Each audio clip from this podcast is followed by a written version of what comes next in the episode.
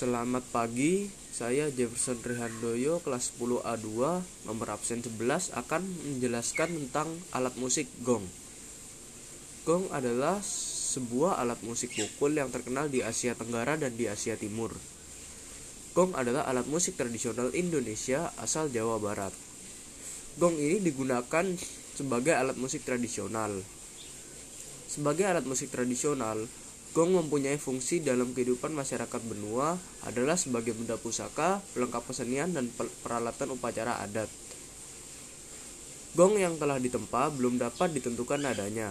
Nada gong baru terbentuk setelah dibilas dan dibersihkan. Barulah setelah itu kita dapat menentukan nadanya. Secara ukuran, gong tergolong alat musik yang cukup besar. Cara memainkan alat musik ini adalah dengan dipukul menggunakan alat pukul yang telah didesain secara khusus.